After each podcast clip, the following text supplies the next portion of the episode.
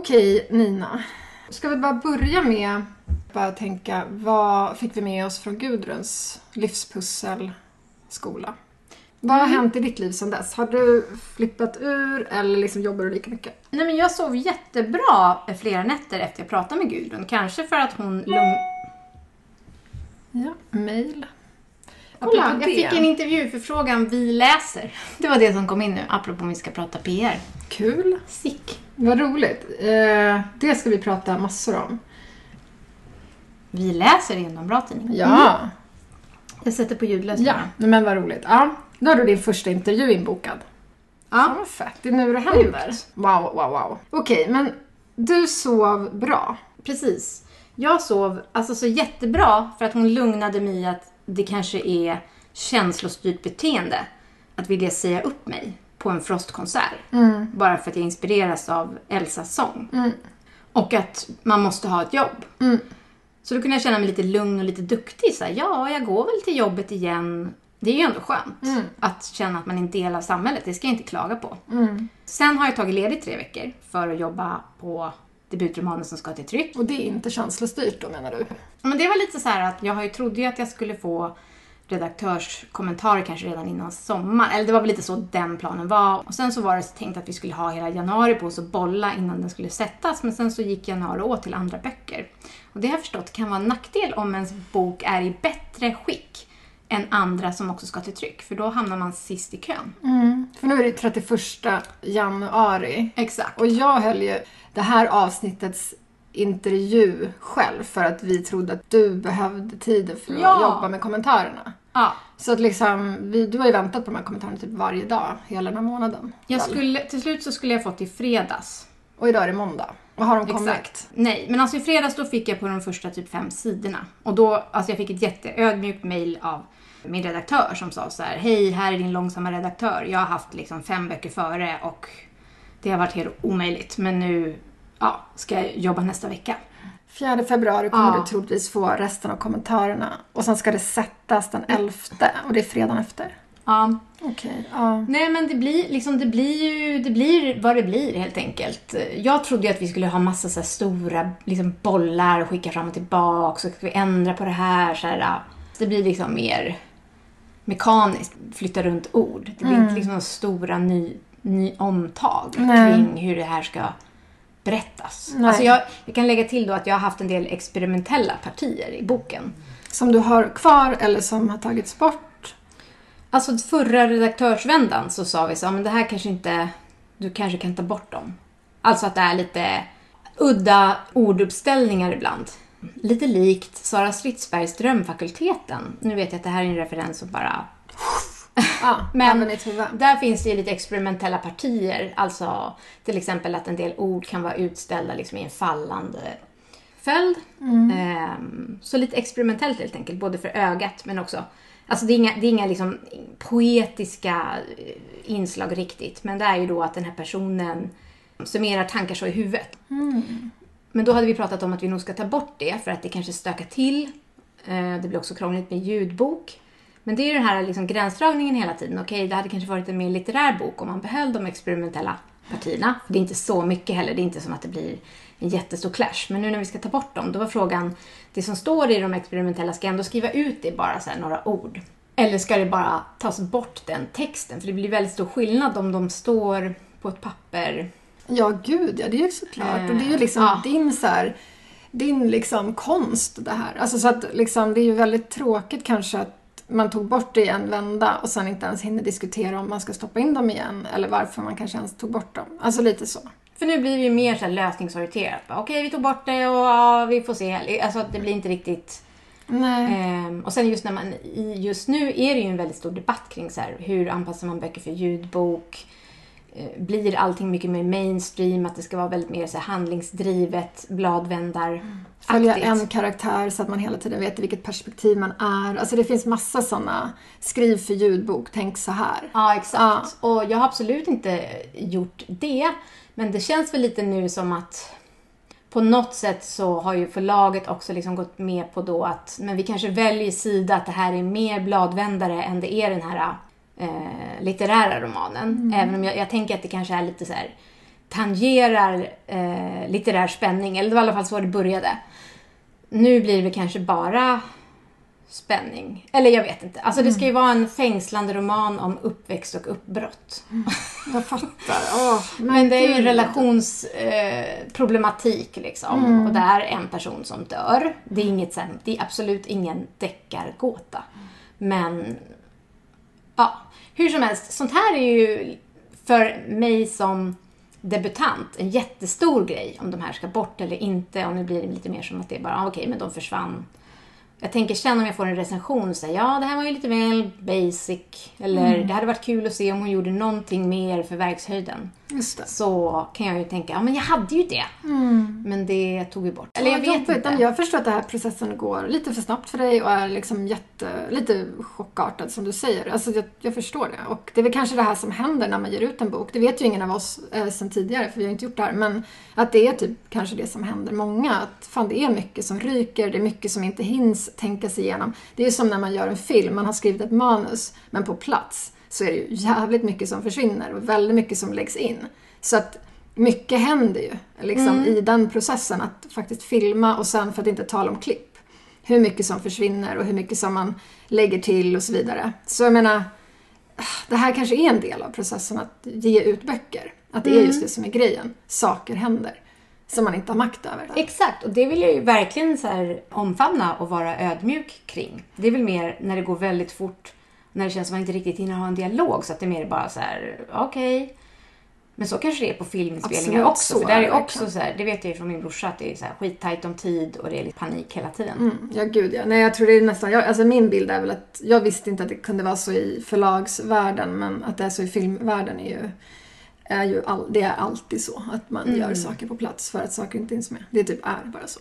Alltså jag tänker också så här, alltså inte för att säga någonting liksom ont om någon som jobbar på förlag eller inom film. Jag tänker också att när det är så mycket information som det är i en bok eller liksom ett filmmanus. Det är ju väldigt svårt att ta ställning till varenda minsta lilla detalj. Det är väl klart att jag så här kräver så här, men jag vill att ni ska ta ställning till det här och vad tycker om det och vad tycker om det och just den där grejen. För att jag har skrivit det. Men för dem, alltså det, det är kanske inte på en sån nivå. Utan det är lite mer toppstyrt, liksom big picture. Ja, mm ja vi kan ha dem där med om du vill men vi behöver inte ha det. Ja, men alltså det är inte riktigt... Jag är jätteintresserad av det här. Det ska bli jätteintressant att höra med ditt förlag sen när de väl har tid att prata med oss om så här, hur de här processerna ser ut överlag. För att vi vet ju liksom bara hur din process ser ut och den är ju jätteintressant och verkligen så här, vad händer, vad händer? Men för oss då. Men det skulle vara jätteintressant att höra vad, hur de ser på det. Ja. Men jag är kanske lite chockad över eh, hur det blir nu. Alltså om det är för att de här sista vändorna inte blir av som jag kommer bli sågad. Alltså det kanske inte, jag kanske inte kan tänka så. Nej men det här var ju det Gudrun sa, att nu blir det det här ångest eh, personlighetsgrejen. Att man ska inte hålla på och tänka att du kommer bli sågad nu när du släpper den här boken. Utan nu ska vi tänka, fan vad fett, nu kommer Ja. boken. Men lite blir det här också att jag kan skylla på att det gick så fort på slutet om allt går åt helvete och den blir sågad. Absolut, så då har vi det.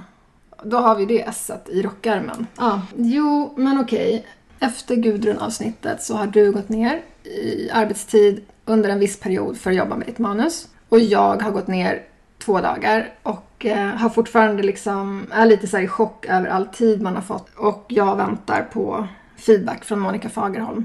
Så jag liksom har svårt att komma in i mitt skrivande igen, tycker jag. Alltså det är väldigt svårt med de här fyra, 300 sidorna att veta vart jag ska börja när jag väntar på feedback.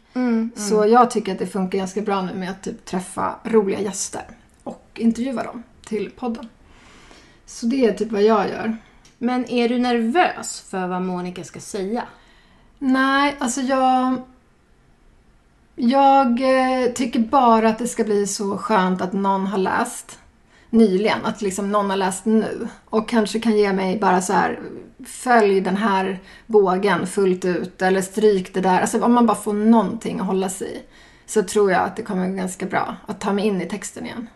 Men det är så tufft när man har varit ifrån en text. Så här, julen, jag skrev, absolut. Men så här, jag vet inte, är jag borta från min, mitt skrivande i en vecka? Alltså det händer så mycket i livet under en vecka så att, att ta sig tillbaka tycker jag är skittufft. Jag tyckte nästan att det var typ bättre när jag gick upp 20 över 5 och skrev. För då var det ändå så här skitjobbigt men jag satt i det. Jag satt i den där skiten varje dag. nu när jag har två dagar och så ska jag då... Alltså jag vet inte, jag kommer nog komma in i det men jag tycker att det är svårt än så länge. Jag kommer komma in i det. Man Mm. kommer ju in i allt men jag har inte hittat det riktigt än. Alltså vi vill ju inte hamna i det här där liksom Gudrun kan få rätt i att det var inte så bra heller när vi var lediga. Exakt. Nej, utan vi måste ju precis... Det har rätt. Vi måste upprätthålla hur fantastiskt det var och är Mm, mm. på något sätt. Även om hon hade rätt i precis allt hon sa och vi innerst inne vet det. Men det är ju skillnad på tid och tid. För förut när det var liksom att vi hade löst vår ekonomi så att vi delade på en lön. Nu när det är mycket mindre pengar och jag har tagit ledigt i tre veckor och nu kommer jag vaska en vecka för att jag inte fått manuset. Då får jag ju panik. Då hade jag ju kunnat jobba den här veckan. Exakt, det är så himla störigt och svårt att planera liksom. Det här. Ehm, ja, jag fattar det. Så vad ska du använda? Ja, nej men tänk inte ens på det. Du kommer ju få kommentarerna nu. Men jag förstår att det är skitstörigt för varje timme är också en potentiell inkomst. Men det är tänkt att jag ska jobba med PR. En jättebra människa som heter Frida som jobbar med PR. Är det Frida som jag ringde om Peter Jöback? Nej, faktiskt. Nej. Mm, Intressant att de ofta heter Frida. Det här var Frida på Frida Jönsson tror jag, på Rim och Reson. Mm-hmm. Heter hon. Men hon jobbar med PR av böcker. Och då var det så här direkt liksom, vad vill du göra? Hur känner du? Och så frågar de också såklart kanske för kulturbarn då liksom, hur ställer du dig till om du kommer få frågor om är det självupplevt? Hur mycket av det här är du? Vill det kopplas ihop med eh, din familj? Och ja, kanske min pappa då, Carl-Johan De är och sådär. Och då sa jag att jag inte hade något problem med det. Och sen när jag fick frågan då om vad jag vill göra så var jag så här som en naiv hund och bara så här, jo men alltså jag gillar ju Babel och eh, Lundströms bokradio och DN och vi läser. Alltså jag bara drog upp Top Dogs direkt. Liksom. det kändes självklart. Ja, helt rimligt. Jag tänker lite så här, sikta mot stjärnorna så når trädtopparna. Jag fattar ju att jag kanske inte kommer sitta på Babel, men ändå kändes det skönt att bara säga. Men så här, då blev det ju den vidare dialogen så här, ja, det finns ju mycket bra lokaltidningar. Så kanske att min strategi inte riktigt funkade, att jag verkade mer girig och liksom äh, gränslös. Eller att jag inte hade förstått Men hur det så funkar. planen nu är att du ska bli intervjuad i Bromma-nytt eller? Ja, men eh, jag fick ju ett mejl nu från Ja, Vi läser ja. under den här poddningen. Så Just det. uppenbarligen, jag vet inte ens om det gick genom PR-Frida. det Nej. vet jag inte. Det är faktiskt en annan fråga. För jag har ju suttit på mottagarsidan och Mm. fått mycket mejl som är så här: hej, nu kommer den här personen ut med den här boken. Och även när det är liksom någon slags höjdare. Eller vi tar exempel Peter Jöback eller Mm. Kristoffer Triumf. Då är det ju paketerat liksom snyggt med bilder och, och så är det lite pitch, pitch ibland lite så punktform. Typ så här, ni kan prata om de här sakerna. De verkligen försöker att profilera det mot ja, vilka de skickar ut till. Men ska man be att få se det om sig själv, om den här då PR-Frida ska göra en sån om mig. För sen när jag har kontaktat författarna själv, då verkar det som att de inte har sett det. Eller så bara blir det liksom att det är jobbigt att veta om att de har sett, eller liksom på något sätt prata om det eller medge att de vet hur PR-företagen har försökt vinkla och profilera dem. Är det så att när du då har ringt till exempel eh, debutanter till exempel, eller författare, för att du har fått ett sånt här mejl, har det varit att de för det första inte ens vet att mejlet har skickats Mm. Nej, och sen vet de inte heller ens vad då? Vad som står Hur i. deras profil ser ut till exempel. Exakt, för det har ju också varit ibland när vi har haft poddinspelningar och vi säger okej, vi ska prata om den här personen om... Alltså det kan vara allt möjligt. En neuropsykiatrisk diagnos, om den har beskrivits som en superkraft eller någonting. Och sen så... Enligt PR. Exakt. Ja, och sen då när vi försöker så här, styra mot det så märker vi att men det här vill inte personen alls prata om. Den kanske till och med blir jättekränkt om vi försöker fiska om så här, hur mår du? Hur är det egentligen? Nej, men exakt, ja. Eh, Intressant. eller att det bara var dagsform. Gud, det är så konstigt allt det här. Men då tänker jag också på förlaget som vi pratade med, eller jag pratade med, är ju liksom att PR verkar vara väldigt nära samarbete på just det här förlaget. Det är roligt att tänka vilken skillnad det är på pytte, pytte, pytte, pytte små förlag och liksom stora eller medelstora förlag. Ja, men vi, eh, vi lyssnar på intervjun med Agnes från Systerkonspirationen. Ja, och det här är alltså då Gudrun Furumarks eh, förläggare. Det var så vi kom i kontakt med Systerkonspirationen. Så tänkte vi att det var intressant att träffa ett lite mindre nischat förlag, för det har vi inte gjort. Så vi lyssnar. I Debutera eller dö ältar vi romanskrivandets vedermödor Vi rullar oss i skimrande och skadeskjutna skrivdrömmar. och samtalar med livsuppehållande gäster. Det är jag som är Lovisa Svensdotter. Och det är jag som är Nina De är. Välkomna till Debutera. Eller dö. Nu är ju inte Nina med oss. Nej, Men det ska väl gå bra. Men Jag du tror saknar ju också din andra hälft. precis. Berätta, vem är det vi saknar här egentligen? Vi saknar Sara Ja. Hallonsten som är min em, bättre hälft i företagande och liv. Och Hon har corona. Ja, så hon måste sitta instängd ett tag till. Ja, just det. Och vi kunde kanske haft med henne på Zoom, men all teknik, jag vet inte. Det var skönt. det hade varit, blivit mycket Ja. tror jag. Jag tror det. Mm. Plus Så- det var min tur att göra någonting utan henne. Okej. Ja, det är oftast Brukar hon vara den som håller sig framme? Ja, Ja, men då så. Och så att rättvist. Verkligen. Jag menar, Nina har ju hållit på med den här podden i fem år. Ja. Så det är ju inte mer än rätt att jag får lite egen tid här. Ja men då så. Ja, okej. Så. Ja, eller hur? Jag tror vi klarar det här. Jag tror det också. Okej, då ska jag låta den datorn vara där. Hon är, ehm, Nina är ju också teknikansvarig hittills Mm. i podden, så det är därför jag också håller på. Men jag tror att det hörs. Okej. Eh, bara, vem är du? Bara lite så här, jag heter... Vad Mm. gör jag? Alltså du. Mm. Eh, Jag heter Agnes Alsen. Jag eh, är utbildad språkkonsult, heter det. Och jobbar nu på ett språktjänstföretag och projektleder där. Eh, Och sen driver jag ett litet bokförlag som heter Systerkonspirationen tillsammans med min kollega Sara. Ja, Coolest in the schoolest. Okej. well, we will see. Ja. Okej. Varför startade ni? En dag så eh, föreslog en utav oss att vi skulle göra det och den andra sa ja. Eh, och då blev det så. Vi gjorde det för att vi kunde och så gjorde vi det för att vi inte kunde för att vi inte hade någon aning om hur man gjorde och det tilltalade oss väldigt mycket. Att det kändes som att det fanns en en självklar väg in i förlagsbranschen. Man ska gå den här förlagsutbildningen och sen är det praktik och sen är det kontakter och sen så fanns det kanske en annan väg om man bara hittade på den vägen. Det lockade oss. Eh, att bara göra det i alla fall. Coolt. Så. Det är ju, låter ju lite som ett underground-förlag, eller? Ja men det får man ändå säga. Ja. För att nästan ingen vet vilka vi är. Vi tjänar inga pengar. Eh, Vi gör allt på fritiden. Eh, Ja. Hur länge har ni hållit på då? tre, nej men nu ska vi se, fyra år kanske, för nu är det 2022. Jag tror att vi sådär registrerade oss på Bolagsverket en sen kväll när vi satt på Volmars, så här 23.37 eller något, 2018. Har jag för mig det är. Hur är det då att ha det här bokförlaget? Vad, hur ser en dag ut då? Fast då är dagen några timmar på fritid mässigt då. Men hur ser det ut liksom? Det beror ju helt på var vi är i en process. Vi kan ju sällan ha mer, vi kan ju inte ha ett, mer än ett projekt på gång liksom, samtidigt. Och nu har vi givit ut tre böcker. Den senaste kom i december.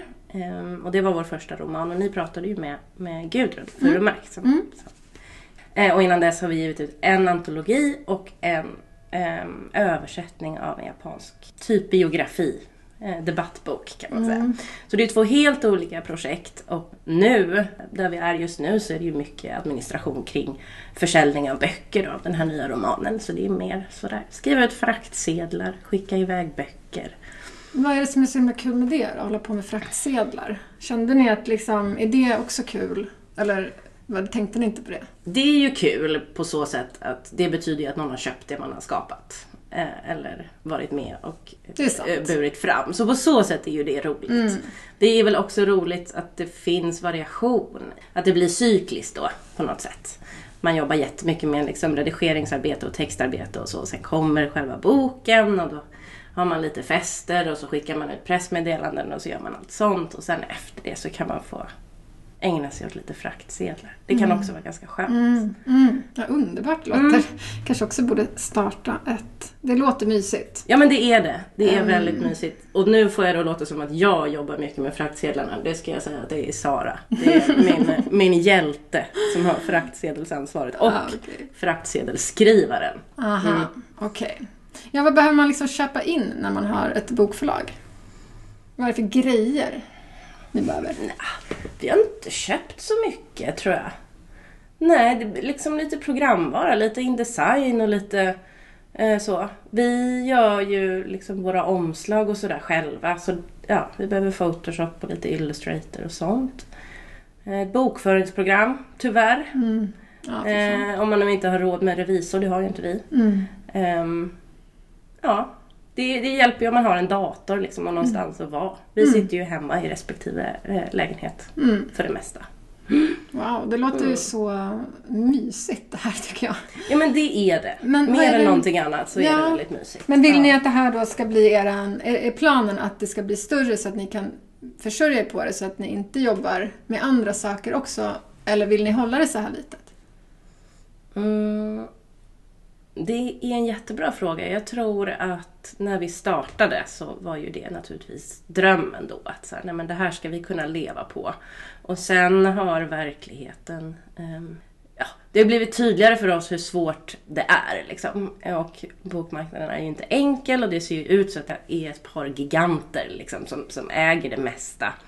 Ehm, och för oss mindre är det betydligt svårare att slå sig fram. Um, vi har inte pratat om det med varandra på länge. Vi har liksom inte haft tid att ha någon så här visionssamtal som jag tror, tror att vi liksom ehm, behöver ha. Vi ska i och för sig ha det på lördag. Så jag kan återkomma med det. Underbart! Ja. Eh, Men just nu tror jag att det som ligger närmast om man ska drömma realistiskt, vilket låter jätte, jättetråkigt. Men om man ska göra det så är det väl snarare att kunna ha en livssituation där man har tid för det på ett mer hållbart sätt. Alltså inte kvällar och helger utan att man har, eh, kan försörja sig eh, på någonting några dagar i veckan och sen kan man fortsätta med det här några andra dagar i veckan. eh. Och få det att gå runt. Liksom.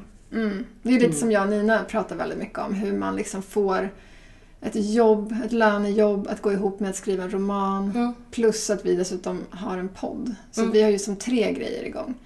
Plus familj. Så att liksom, vi, vi håller också på och kämpar med de där Ja. tankarna.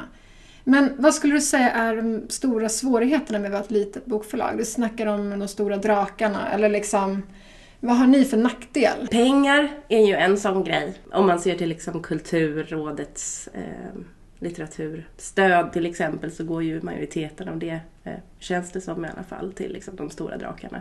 Och inget hittills till oss. Och eh, för oss hade ju det varit ett sätt att kunna fortsätta liksom. Och det kan, det kan kännas lite så pärlor till svin ehm, Mm, när de beskeden kommer. mm, jag fattar. Mm. Um, Okej, så att pengar är en grej. Eh, vad är det mer som, som är svårt liksom, med att slåss mot de där andra? Men jag tror inte att vi slåss, eller jag upplever nog inte det. Men till exempel, Ehm. når ni ut med böckerna? Jag tänker så här, om, om man ger ut en bok som ett litet förlag, eller som ni Når ni ut? Liksom, vem, vem recenserar? Vilka bokhyllor hamnar böckerna på? Om man jämför med, inte vet jag, alltså något annat Mm. förlag som... Visst. Nej men det är ju klart, och det är ju mycket en pengafråga också. Att, att så här, man behöver pengar för att hamna i rätt system eller för att hamna på eh, Akademibokhandeln har olika krav och för att uppfylla dem så måste man ha pengar liksom. Eh, ja, men det, dåligt. Olika saker kräver att man distribuerar på olika sätt och då måste man betala någon som distribuerar åt en och de pengarna har inte vi och då kan man liksom inte komma in på, på olika platser. Så. Sen tror jag att idag, det är ju otroligt lyxigt för att vi, det finns massa andra sätt för oss att nå ut. Alltså det finns ju sociala medier och vi liksom vi säljer ju mest via typ Adlibris och Bokus och sådär och de gör ju egentligen ingen skillnad på Nej, vi, vi dyker ju upp där på samma villkor som, som andra om man bortser från liksom, att kunna köpa annonser och sådär. Men jag tänker att det har nog aldrig varit lättare för ett litet förlag att nå ut än vad det är nu. Så. Det är ja, inte en jätteunik spaning liksom. Men, men jag tror verkligen att det är så. Och det är ju det som är så roligt också. Vi kan ju experimentera. Och där gäller det väl att vara lite fiffig. Alltså vår första bok då som var en, en antologi, en feministisk antologi, för det är ju liksom vår profil på förlaget. Den släppte vi på 8 mars 2019 eller 20, när det nu var. Var det corona eller var det inte corona? Nej, det var Okej, inte då var corona. det nog 19. Ja, det var 19, det var det. Precis. Eh, och den fick vi jättemycket uppmärksamhet för och vi satt i olika TV-soffor och vi satt i, i liksom P1 Morgon och blev recenserade av Aftonbladet och Expressen. Alltså det, liksom, det rullade på. Vad handlade den boken om? Eh, den handlar om känslomässigt arbete som koncept. Och liksom, ja, den driver den feministiska tesen att kvinnor ägnar sig mycket mer åt det än vad män gör och att det leder till en massa tråkiga konsekvenser egentligen för alla men kanske eh, desto mer för kvinnor som utför det. Man blir dränerad på energi och tid och så. Och får ganska lite tillbaks.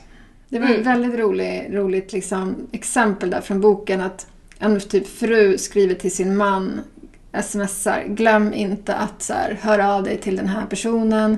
Det skulle vara kul för henne om det kom från dig. Mm. Så det är så kul. Och eh, i mitt liv i alla fall verkligen klassiskt. Ja, i mitt Eh, också. så. Absolut. Det var bara så jävla skönt Ja. att se det på, på print liksom. Nej okej, så det, det verkar vara en skitspännande bok. Mm. Och då gjorde det ju ingenting att vi inte var Bonniers. Då var det ju tvärtom, att det hjälpte att vi inte var det. Mm. Mm, vad coolt. Om man nu har slitit med en bok i, säg tio år och sen eh, vill man då äntligen ge ut den här boken. Mm. Vad är det liksom för fördelar med att skicka boken till er? Hur ser det ut liksom när någon skickar ett manus till er? Ja men när folk skickar manus till oss så läggs de på en hög som har vuxit sig väldigt hög, tyvärr. Som vi gör liksom eh, planer hela tiden att beta av och vi lyckas och så betar man av några. Men nu har det också blivit så att eh, de som liksom ligger längst upp i den här högen, det är, näst, det är lite pinsamt länge sedan. Men vi försöker ju vara transparenta med det från början att vi kan ju inte, vi hinner liksom inte mer och det tror jag att folk förstår eftersom att jag tror inte folk förväntar sig att vi ska bete oss som ett stort förlag. Vad pratar du om för tider då? När du säger att pinsamt länge? För jag menar Ninas erfarenhet av att skicka in till förlag genom åren har ju varit att hon får vänta i så åtta månader eller ett år på svar. Alltså, Jag vad- tror absolut att vi har två år gamla manus i den högen. Ja, liksom. Det är så pass alltså. Ja, så är det. Satan i gatan. Ja, eh, och det är ju en sån här... Eh, ja, det är svårt att bara racka av också. För att man vill ju inte ge sig in i någons manus som någon har kämpat med liksom eh, stressad eller man vill ju respektera det när man går in i det och liksom ta det på allvar. Det tycker jag känns jätteviktigt. Så hur många manus har ni nu liggandes i manushögen på systerkonspirationen? Jag har ingen aning, men alltså det är inte jättemånga. Vad kan det vara? Men alltså mellan, mellan 20 och 50 kanske. Något sånt. Eh, Men alltså vad man får när man ger sig i kast med oss. Egentligen eh, skulle ju Gudrun varit här och svarat på det. Eh, Men framförallt är det väl att det blir personligt. Mm, det är jag och Sara som är det här förlaget och vi gör allt i det. Och när man går in i en sån process som, som, som Gudrun gjorde nu, vi höll ju på tillsammans i nästan två år med den romanen. Och då, eh, det drog ut på tiden mycket för att det var pandemi, men det blir ju ett väldigt nära samarbete. Men så om ni nu... Alltså vad ska då liksom... Våra lyssnare skriver ju ändå böcker eller försöker så gott de kan. Eh, ska de skicka till er? Om de känner att de har en feministisk historia? Ja, det tycker jag absolut. Alltså, vi ska ju läsa alla i högen. Vi lovar. Eh, ja, självklart ska man göra det. Och vad kan man förvänta sig av processen? Låt säga att någon då blir antagen. Hur Mm. ser processen ut? Ja, men då får man först ett mail som jag tror är lite roligare än, än liksom när Bonniers skickar mail. Jag tror det. Vi kanske har en gullig liten hälsningsfras och skriver hjärtan och sånt. Och vad händer sen? Sen har man lite möten. Vi gillar att ses eh, och ha möten hemma hos någon. Man kanske dricker lite vin och pratar om hur, vad man har för förväntningar och vad man har så. Ehm, ja, och sen rullar det på. Det beror ju helt på i vilket skick manuset är så att säga. Hur mycket arbete vi alla tänker att eh, det ska krävas. Och sen är det ju så för oss, det måste ju funka liksom personlighetsmässigt. Det måste ju vara en person som vi klickar med. Som vi känner så här, dig kan vi samarbeta nära med eh, under en längre tid framöver och dig vill vi samarbeta nära med eh, under en längre tid framöver. Eh, det tror jag alltid kommer vara eh, viktigast. Vi skulle inte anta ett manus om det inte funkar. Nej. För att det är ju liksom vårt liv och vår fritid som, som vi öser in i det här. Okej, Mm. så först så får man ett gulligt mejl med hjärtan och Ja. sen dricker man lite vin och kollar om man klickar. Ja. Och sen kollar man så mm, hur mycket redigering är det? Och så redigerar man tillsammans med er. Ja. Och sen då? När ni är nöjda, Mm. vad händer då? Ja, det har ju hänt en massa andra saker under tiden här. Man har väl eh, gjort lite omslag och pratat och satt en titel och, och en massa andra spännande saker. Eh, och sen skickar man in den på tryck. Och sen börjar liksom nästa fas. Det är marknadsförings... Försöka få folk att läsa den egentligen. Är det ni som gör eller är det också i samarbete med författaren på något sätt? Det är alltihop är ett samarbete. Men där är ju, det är ju vi som liksom står för presskontakter och sådär. Eh, sen är det ju... Eh,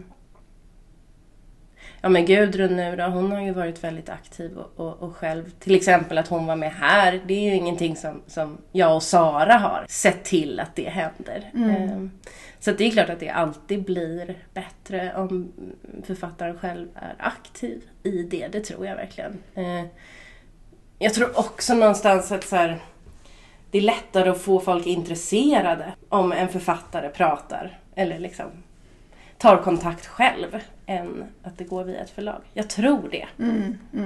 Det skulle jag tycka om en författare ringde till mig jämfört med om Ja, någon som jobbade i en organisation där författaren, som författaren hade något med att göra. Så så tror jag. Mm. Okej, och sen så, så, då, så hamnar eh, boken på Adlibris hemsida. Mm. Inte på några så här eh, superhyllor på Akademibokhandeln. Nej, där har vi inte lyckats dyka upp än. De kan ju fortfarande beställa av oss. Det händer. Att de beställer då enstaka exemplar om, om en kund har kommit in och vill köpa just den. Då kan vi få så. Men inga större. Mm, det är eh, som beställningar Systembolaget. så. Alltså så. Exakt. Vi är den här riktigt lyxiga champagnen från eh, en riktigt litet så. Vad härligt, vad härligt. Ja men det tycker jag. Det är så. Gud, underbart. Men då så, det låter ju fantastiskt. Okej, så då är man där, man är lite specialbeställd in då till Mm. Akademibokhandeln. Eller så är man med på de här stora Bokus och allt vad de heter, vanliga liksom, sajterna. Mm. Och sen då? Liksom, så, då är man liksom, då släpper ni, då är, sen är det klart eller? Ja, lite så känns det ju. Det är en väldigt sådär... Det är ju så mycket. Eh, och det blir så stressigt kring de här släppen. Och så ordnar vi, vi hade ju en, en releasefest nu då i december. Eh, och då är det... Ja, den ska man ju ordna. En för tusan och den ska bli bra. Och det var jätteviktigt för oss att, den, att Gudrun blev nöjd med den. Och så var det ju coronatider och så ska man försöka balansera att vara eh, säljare på något sätt och att vara eh, ja, en boknörd eh, å andra sidan. Liksom. Eh, och sen när det där släpper, när man vaknar morgonen efter, så, så ja men då känns det väl precis så. Och sen då?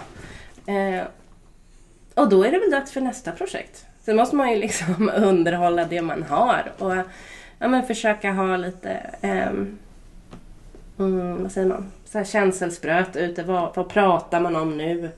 Är, är, kan man liksom mejla någon om det här? Ska vi föreslå ett boksamtal?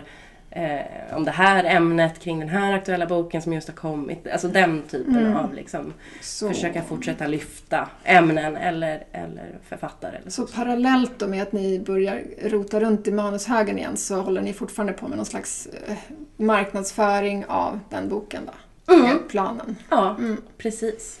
Ja, Okej. Eh, I liksom allt det vi gör är ju i den mån vi har tid. Men det, det känner vi ju säkert igen. Att det är liksom, man har drömmar om hur arbetet skulle sett ut om man hade haft en massa dagar att göra det på. Sen har man verkligheten. Eh, och där gör man så gott man kan. Liksom. Men okej, vilka är ni då? Liksom, jag tänker så här.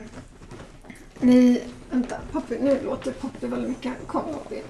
Du, jättedumt att sätta en hund i en knarrig... Ja, fast gulligt. Ja. Väldigt gulligt. Mm.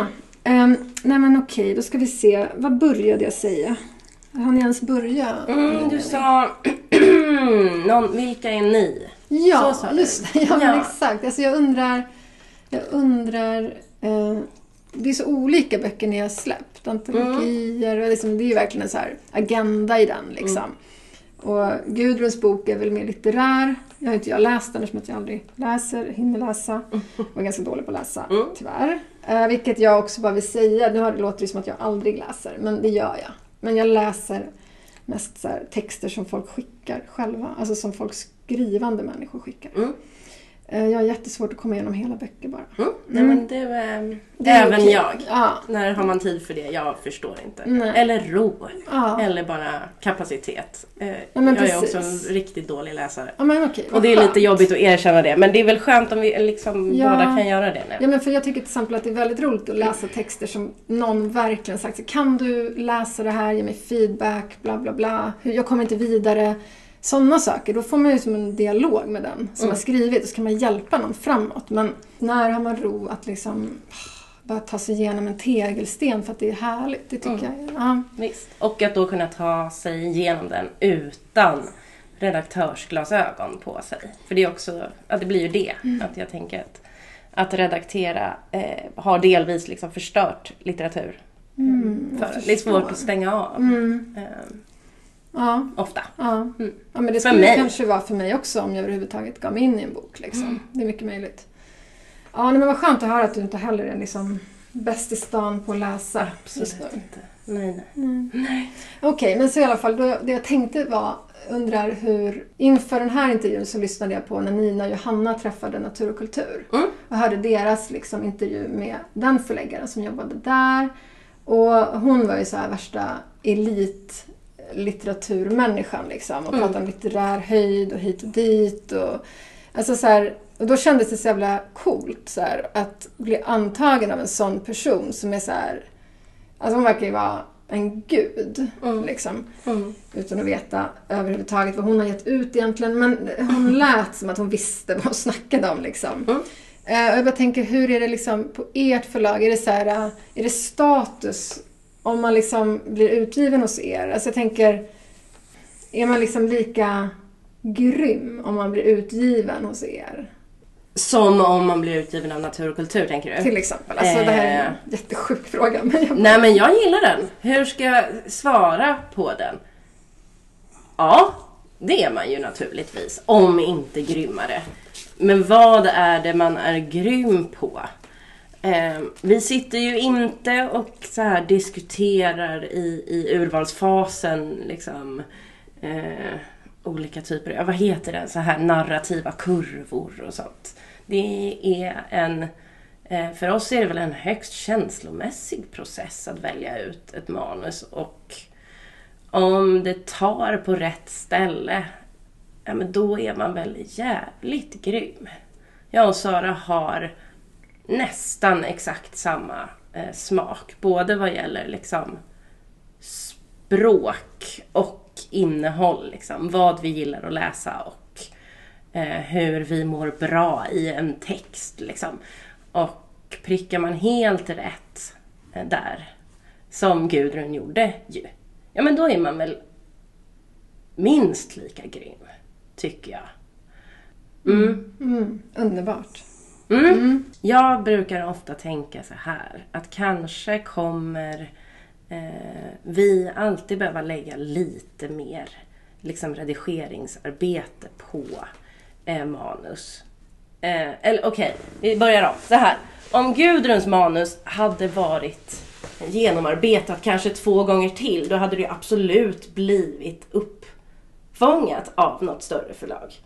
Eh, vi kan inte konkurrera med dem vad gäller liksom resurser eller tid eller så. Men vi kan konkurrera med vårt arbete. Eh, och det lyckades vi ju verkligen med eh, tillsammans med Gudrun. Att vi upptäckte en, ja, men en, en slipad men inte färdigslipad diamant. Liksom. Och att vi då Intressant. kanske slipar lite längre eller, eller liksom få göra det. Mm. Mm. Ja men det är intressant. Nu vet inte jag vad det här som hördes eftersom att Poppy smaskar och gäspar och håller på. Nej, Men, jag undrar också om jag liksom... Det känns som att det låter som att jag säger att, att Gudruns manus inte var tillräckligt bra. Men Det är ju inte det jag menar. Men det framgår säkert. ja, nej, men det tycker jag. Alltså, det är intressant det där med att du säger det. Att det ni kan erbjuda är en längre process också. Det är jävligt fint. För att många som skriver en bok är ju helt ensamma. Mm. Och då är det ju ganska coolt att få ett förlag som är med kanske under de sista två, tre varven av ens redigerande. För det är ju där man ger upp eller tappar bort sig själv. Alltså man orkar inte liksom. Mm. Det är så tufft att vara ensam. Och det är ju väldigt skönt att höra att det finns ett förlag som, som orkar det. Istället för kanske de större som kanske väljer att så här, vi vill kanske jobba med något som går snabbare, inte vet jag. Jag har en annan fråga och det är om ni nu har så mycket i den här manushögen. Mm. Varför måste man liksom skicka in hela manus? Räcker det inte med att man skickar in typ första kapitlet och en projektbeskrivning och sen kan ni därifrån egentligen avgöra vad ni vill och så kan man få ett snabbt slut på det hela istället för att gå runt och vänta. Jo men så skulle det ju kunna vara om det var så eh, att liksom en bok håller jämn kvalitet rakt igenom. Alltså tänk om man skickar eh, kapitel 1 och kapitel 1 är sämst och sen från och med kapitel 2 blir, är resten skitbra. Det, är för- det är liksom de flesta manus vi har läst så hade det räckt att läsa ett, två eller tre kapitel. Men det finns ju alltid en möjlighet att det inte är så och att man då går miste om liksom, allting. Eh, och det handlar ju också om att försöka ha ett öppet sinne. Att inte bestämma sig efter tre sidor, det här är ingenting att ha. Det handlar återigen då om att respektera, tycker jag, de manus som kommer in och liksom eh, känna att ja, men det här är ju någons. Eh, ja. Är det väldigt, väldigt, väldigt hårt arbete under väldigt lång tid. Ehm, ja. Mm. Så ni vill inte ha manus som är halva eller... Nej men alltså om någon skickar in två kapitel och ingenting mer och de två kapitlen är skitbra, då ber vi väl om resten, tror jag. Vi kommer ju inte så här, du, du har inte följt formalia för hur man skickar in manus till oss, eh, gör om, gör rätt. Så, så jobbar vi inte, utan då mejlar vi och ber om mer om det skulle vara så. Okej. Och om då några av våra lyssnare väljer att skicka in ett manus till er, ungefär när kommer ni läsa? Åh nej, värsta frågan. Eh, det kommer dröja ett tag. Nu har vi å andra sidan precis kommit ur då en, ett projekt och har faktiskt inget annat som vi har börjat med. Och där har vi inte varit på ganska eh, länge. Så det är roligt. Så att vi har aldrig haft bättre förutsättningar för att ta oss an manushögen än just nu. Det är mitt svar. Gud, vad ja. Det är precis det vi vill inför höra. framtiden. Ja. Ja men fan Mm. vad kul. Så då, då kan ändå lyssnarna skicka in eh, sina manus till Ja. er och hoppas på det bästa. Absolut. Och om det är någon som lyssnar som har skickat in ett manus och tycker att vi har tagit jättelång tid på oss eh, att svara så kan man skicka det igen eh, nu. Och säga så här. Hej, det här, jag undrar fortfarande. Jag har inte skrivit om det här. Eller jag har skrivit om det här. Kolla på den här nya versionen istället. För det är ju också en sån sak man funderar över nu. Ja, men ska jag läsa det här manuset som har legat i två år, det kanske inte ens existerar längre någon annanstans. Det kanske har skrivits om jättemånga gånger redan. Det kanske är Eh, utgivet på natur och kultur. Exakt, kanske det. Eh, så det tror jag också kanske att vi ska ta, ta, ta tag i och bara innan vi börjar läsa alla, kolla läget. eh, Det är ju väldigt personligt och trevligt också Mm. att få ett sånt mejl med lite hjärtan och kolla läget. Eh, Det är ju trevligt Ja. Faktiskt. ja, men det blir man väl inte ledsen för. Det låter helt underbart tycker Ja. jag. Coolt. Ja men då har ju ni lite att göra. Ja men vi har ju det. Och ni också kan jag tänka mig. Gud nu känns det så här. Du vet att jag kommer gå härifrån och dåligt samvete för att det är du som har ställt frågorna och jag som har svarat. Brukar du uppleva det? Om det är Vadå? Hur tvärtom? tänker du då? Nej men att det har blivit så här asymmetriskt. Ja, Man att ska ha... samtalet inte är 100% Exakt. jämställt. Exakt. Nej. Men det är Det- jävligt fint att du tänker så och att du har ett eh, bokförlag som heter Systerkonspirationen som just handlar om jämställdhet. Det är Ja. väldigt, väldigt fint. Men det behöver du inte tänka på.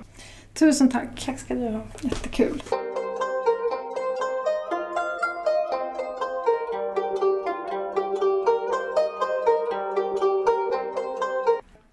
Okej, men efter.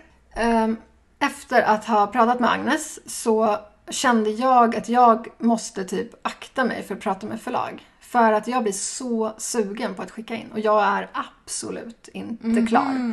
Och jag liksom tänkte på det också. Egentligen idag skulle väl vi ha ett möte med ditt förlag, Ordfront. Som vi får skjuta på för de har inte tid och bla bla Ja, bla. exakt. Men jag bara känner det att, alltså det Agnes sa var ju typ att om det är så att man, man behöver inte skicka in ett helt romanmanus. Och, för att jag fiskade ju lite det ju. Ehm, och då sa hon ju det, ja nej men det kan man göra, det finns inget rätt eller fel. Och det gör det ju på lite större förlag. Alltså då ska man ju verkligen skicka in ett helt bokmanus. Och då när hon sa det så kände jag så ah men gud, man kanske bara skulle skicka iväg och Sen började jag tänka, nej men då kanske man kan skicka iväg till alla möjliga förlag. Och så började det med det där igen, som man Ah. absolut inte ska. Vi pratade om det första gången vi sågs. Att man måste följa reglerna. Alltså skriv klart boken och sen skicka. Det är ingen idé. Du får tänka mer på Squid Games, den där Ja. glasbron. Exakt. Håll dig till reglerna, annars är det kört. Åh, det är så jävla svårt. För att jag tycker att det är också kul att få någon jävla respons. Mm, det är gång. klart. Men jag tycker ändå att det var jättefint i intervjun att både det, att de såklart skulle höra av sig om det var bara kort och det var bra. Och det här med att det kunde vara en längre process. Just där det. de kunde vara med längre. Mm. Som jag förstår, det är ju helt rimligt att det är så det måste gå till. Om man inte kan konkurrera med ett stort förlags muskler, att det är det andra. som- en lång som de eh, redigeringsprocess. Ja, att de erbjuda. har, ja, exakt. Jag tyckte det var jätteintressant. Ja. Men, men ett sätt i alla Mm. fall för mig nu att inte skicka iväg till systerkonspirationen Mm. är ju att jag väntar på feedback från Monica Fagerholm. Så att jag liksom ska få någonting att hålla mig i så att jag kan skriva klart boken. Någon slags karta framåt, vad hon har sett att jag ska göra nu. Ja. Så att jag liksom gör det, tror jag. Och inte skickar in till systerkonspirationen Mm. eller något annat förlag. Men du får nästan hålla i mig lite för att det är så jäkla trist att ha skrivit på samma sak i tre år och inte få någonting att studsa mot liksom. För jag har ju fortfarande aldrig skickat till ett förlag, någonting. Och det verkar ju typ alla gjort, så det vore ju kul att någon gång också få ha gjort det. Hellre det och bli refuserad åtminstone så man vet hur det känns. Alltså, det känns så knäppt liksom. Ja, ens- men det är ju spännande allt det du har framför dig. Men kan vi prata om en sak till som jag reflekterade över i intervjun? Det var att ni båda var så här, "Ah, vi läser inte böcker. Mm. Det var ju verkligen en chock att en förläggare skulle säga det. Ja. Inget ont om, om det. Nej, men alltså precis. Och det blir väl så om man jobbar heltid kanske då, som projektledare och ska projektleda tolkar och sen driver ett förlag och ska läsa texterna som skickas in till manushögen. Att när har man ro? Ja. Att, och det är ju liksom samma för mig. Att, ja, alltså så, jag, jag har väl inte haft det. Jag tänkte på det, vi har pratat mycket om att så här, vi jobbar mycket och så vidare. Men 9 till 15 hit och dit. Men, men det är ju inte det enda jag har gjort. Liksom, jag har ju flyttat, tömt förråd. Alltså vi har gjort så mycket efter klockan 15 varje dag. Att den här lässtunden känns ju så här, när skulle den ens komma? Och jag tycker att det är så här intressant att jag kom på det under intervjun. Man är ju en läsande person även om man inte läser böcker och allt det där. Utan att jag till exempel just nu sitter med ett eh, tv-seriemanus som jag läser för någon som vill ha hjälp framåt i den processen. Och jag läser också en eh, roman som en annan skriven eh, håller på med och jobbar med. Så att jag liksom hjälper ju framåt så. Men jag läser inte såna här böcker som är utgivna, verkar det som. Men, men det är ju fortfarande att läsa. Så det är ju ändå kul att tänka att man... Jag tänker mer att jag kom på under den här intervjun att jag typ är en läsande person. Men jag förstår. Jag tänker att det är lite så här som, vad säger man, skomakarens barn. Liksom att man håller på så mycket med texter och manus. Att man kanske inte går och plockar upp en ny inbunden bok på bokhandeln just då. För att det är, du är i så mycket annat. Ja, och även då att Agnes var så. Ja, men precis. Och det tyckte jag var lite Mm. modigt av henne att säga framför allt. Att så här, som förläggare, att hon inte Mm. läser. Sen gör hon ju det, hon har gått litteraturvetenskap och allt sånt där. Alltså det Mm.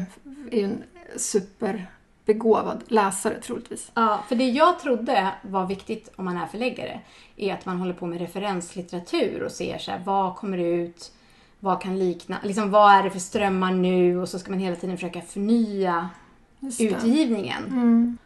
Alltså jag Men, tänker det ja. även- även handlar om så här, vad som händer i språket liksom kring Just det. Mm. trender och hur det utvecklas. Att ibland är det fult att ha mycket kommatecken och nu är det väl, kan det vara också att det, är så här, det ska vara inga kommatecken. I meningar där det borde vara en massa kommatecken så bara... Wow. Eh. Gud, du har sån koll. Ja men jag tänker att det är sånt där. Eller jag vet inte. Nej. Ja, men Ja. jag... eh, Jag fortsätter kämpa med läsning för att jag tror att jag måste. Apropå läsning så eh, kan jag bara säga att eh, jag kommit till slutet nu av Atwood. Mhm. Eh, men jag liksom måste ändå höra om det tror jag. Och gärna bläddra lite mer i boken innan vi kan Mm. eh, gå igenom vem som ska vinna det här exemplaret. Mm. Bara så att vi liksom säger att vi är nära. Det kommer, eh, men det är några grejer och apropå till exempel det här med kommatering och meningsbyggnad Mm. som jag måste liksom in och kika lite på. Så att jag kan hålla lite koll också på vad som vad folk gör typ, och vad det finns för... För det var ju det jag ville med att läsa Mm. här boken, är ju att typ se text på papper så att man lär sig. Ja. Precis som du säger, hålla lite jävla koll på vad som finns, hur man kan göra. Alltså den är ju typ skriven 87 eller något sånt där. Ja, så den är ju kanske inte så trendig. Ska du ge mig ett nytt tips på bok då, som jag kanske ska ge mig in på nu när jag börjar närma mig slutet? Så att jag Ja. håller lite koll. Ja, vi får väl fundera lite här vad det kan vara. Mm. Mm. Ja, men det skulle kanske vara kul. Men äh, vi kan ju överhuvudtaget försöka ha en liten bokklubb kring den här äh, Atwood då. Ja, någonting. alltså någon på något absolut. sätt. Ja, absolut. Mm. Men ska du duscha nu då? Du måste ju vara hemma. Ja, just det. Jag skulle duscha också. Jag kan ju säga det att Nina har ett helt underbart badrum. Det är golvvärme och det är liksom så här kakel överallt. Och hemma hos oss är det liksom fortfarande badrumsrenovering och det är damm. Och det är fruktansvärt så jag skulle duscha nu när jag kom till Nina. Men grejen är att jag måste hem och hämta barn på förskola. Så jag hinner inte duscha. Jag får hitta någon annanstans att duscha idag. Ja. Det är lite så allt för konsten. Det var viktigare liksom med det här poddsamtalet än din personliga hygien. Ja, herregud. Åh. Men eh, ja, jag får hitta någon annanstans att duscha och jag måste dra och Ja. hämta barn. Och du ska väl vänta på kommentarer och Mm. gå runt här och ångest innanför de här fantastiska väggarna. Ja men exakt. Jag ska um, svara um, journalisten från Vi läser. Det var ju kul. Jätteroligt. Så ni kan ju hata mig lite liksom att det är ju ändå någonting som går bra. Ja, Mm. alltså så roligt Nina. Att du har liksom en intervju. Alltså så här, jag vill nästan vara med. Jag tycker det är Ja. jättekul. Alltså, Men alltså bra jobbat med din första intervju med ett förlag.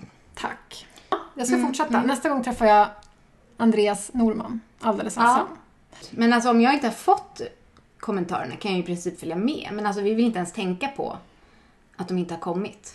Alltså Nej. när du ska träffa honom. Nej men precis, och vi ses halv fyra på onsdag. Så om du Okej, är på möte ja. då så absolut välkommen. Annars bara fucking njut av att du är ledig. Du vet, du har annat att göra nu. Mm. Ja men det var kul att du kom.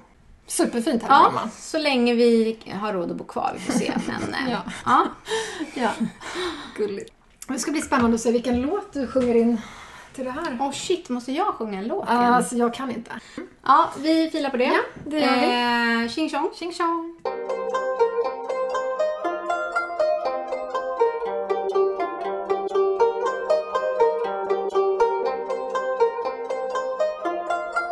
Alla dina sparade meddelanden, tryck 7, mottogs igår klockan 13.13. 13. Hej Nina, det var bara en liten grej till som jag tänkte på efter att vi pratade igår.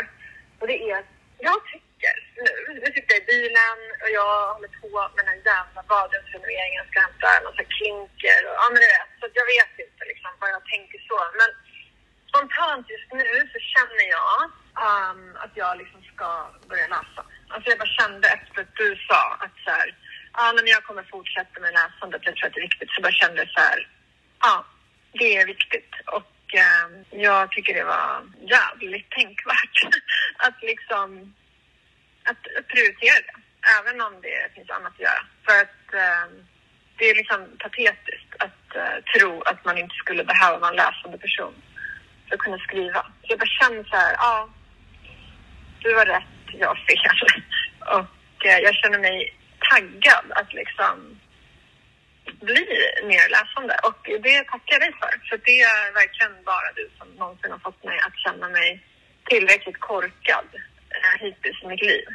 Så att jag måste typ börja läsa en bok. Och det är jag jättetacksam för. För att det är väl det som behövs. Att man helt enkelt får ett spark i röven. Men okej, det var också bara allmänt. Ja, nu har jag parkerat precis och ska in här. Men vi hörs. Hej, hej, hej.